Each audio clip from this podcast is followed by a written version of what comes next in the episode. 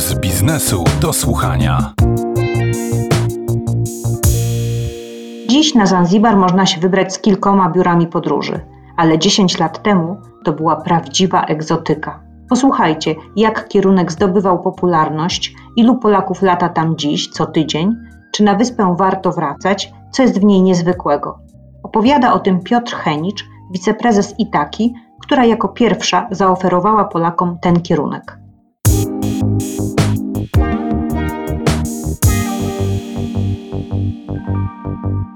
To prawda, i taka odkryła Zanzibar dla polskich turystów i było to, było to dokładnie 10 lat temu. W 2011 roku wysłaliśmy pierwszych turystów na Zanzibar.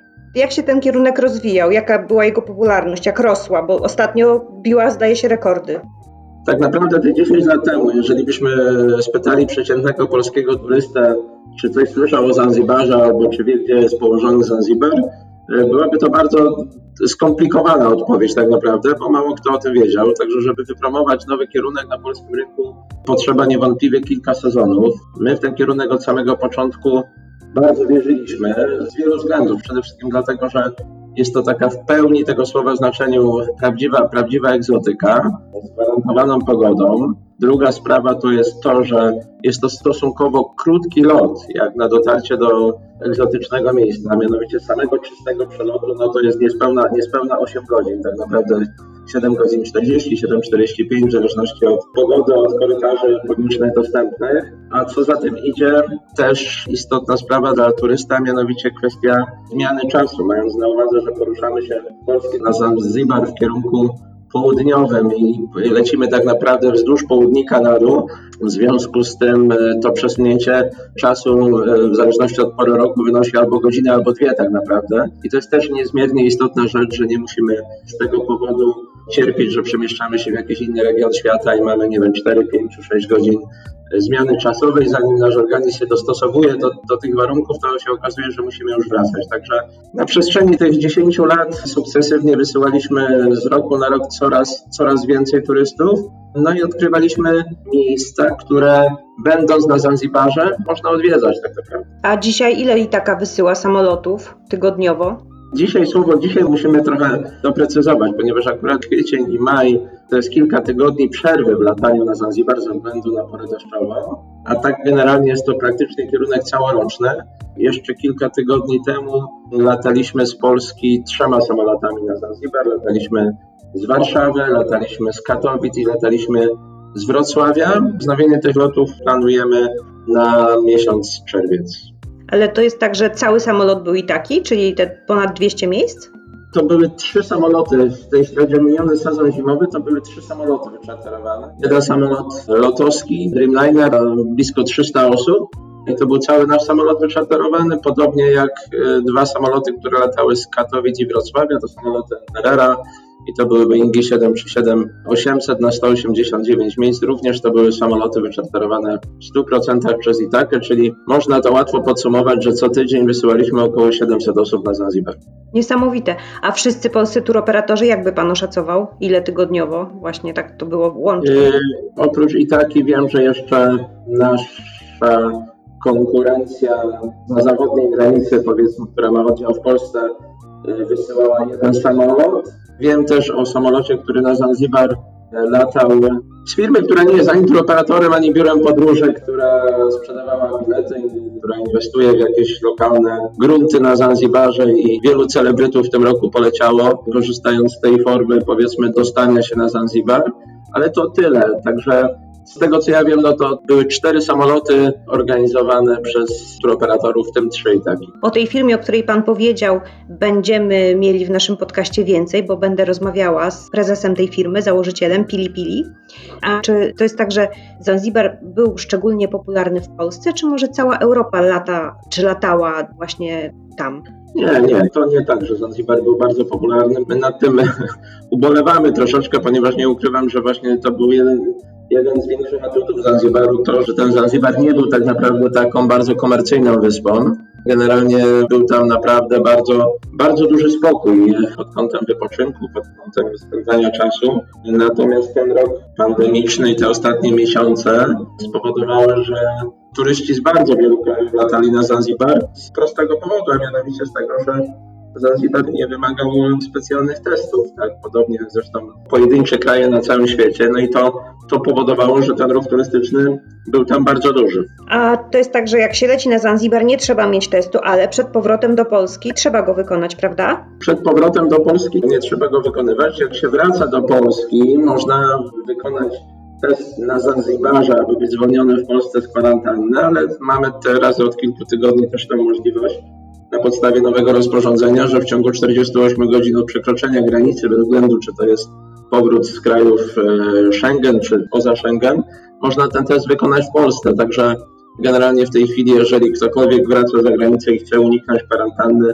to z tego co się orientuję, w 99% wykonuje testy po powrocie albo na lotniskach w Polsce, albo też w ośrodkach specjalnych laboratoriach do tego dostosowanych. A czy Zanzibar to jest Pana zdaniem taki kierunek właśnie, na który się wraca? Czy tam się jedzie raz i już się więcej tam nie jedzie? Bo Pan powiedział, że odkrywaliście Państwo coraz więcej rzeczy, które można na Zanzibarze robić, zobaczyć. Na pewno tak, Zanzibar jest miejscem, do którego turyści chętnie wracają. Zresztą widzimy to w naszych statystykach, widzimy to w relacjach naszych konsultantów, którzy bardzo często o tym mówią, że stali klienci nasi bardzo chętnie wracają na Zanzibar. Jest to miejsce, gdzie się świetnie wypoczywa, to prawda.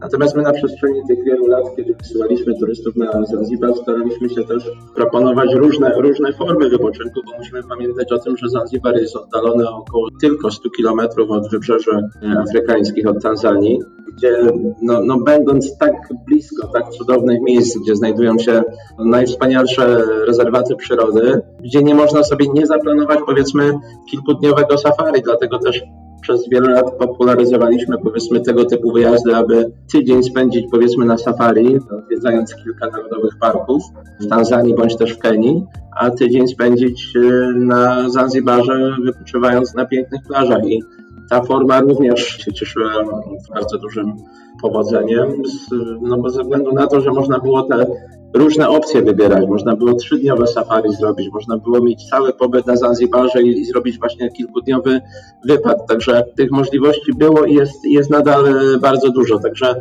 bardzo często jest tak, że klienci lecą powiedzmy na safari tygodniowe, potem są na odpoczynku na Zanzibarze, no i tak im się podoba, że ponownie wracają tam. Także na pewno kierunek, z którego turyści korzystają chętnie i do którego często wracają.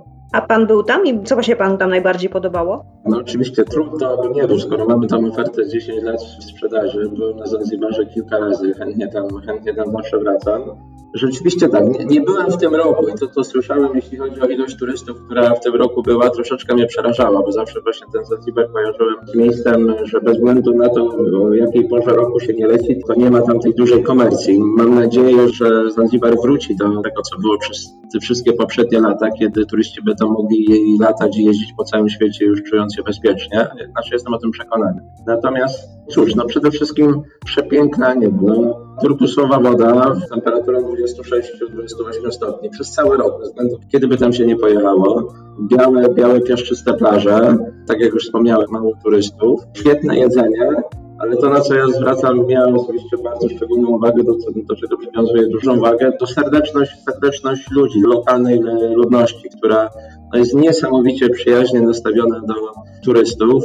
Na każdym kroku za każdym razem widać uśmiechniętych ludzi, którzy pomimo tego, że żyją w zasadzie w biedzie, no tak to, to trzeba określić, ale sprawiają wrażenie ludzi niezwykle szczęśliwych i, i zadowolonych z życia i zawsze po pobycie w tym miejscu dochodzę do tego samego wniosku, że każdemu z nas po takim pobycie na Zanzibarze potrzebna jest taka chwila refleksji, tak? Mając na uwadze to, że gonimy, gonimy, gonimy, gonimy i na końcu sobie zadajemy pytanie po co, a tamci ludzie żyją zupełnie, zupełnie inaczej, cieszą się tym, co mają, cieszą się sobą, cieszą się klimatem, cieszą się życiem po prostu, także to jest niezmiernie, niezmiernie istotne, a też trzeba pamiętać, że jest wiele, wiele fajnych miejsc na samej wyspie, ale przede wszystkim niezmiernie serdecznych ludzi. To jest pewnie taka niesamowita rzecz i pewnie do tego ludzie chcą wracać, właśnie do takich uprzejmych ludzi.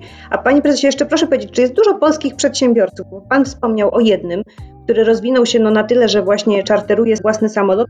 Czy tam na wyspie działa dużo takich polskich firm i czy wy współpracujecie z którąś z tych firm może?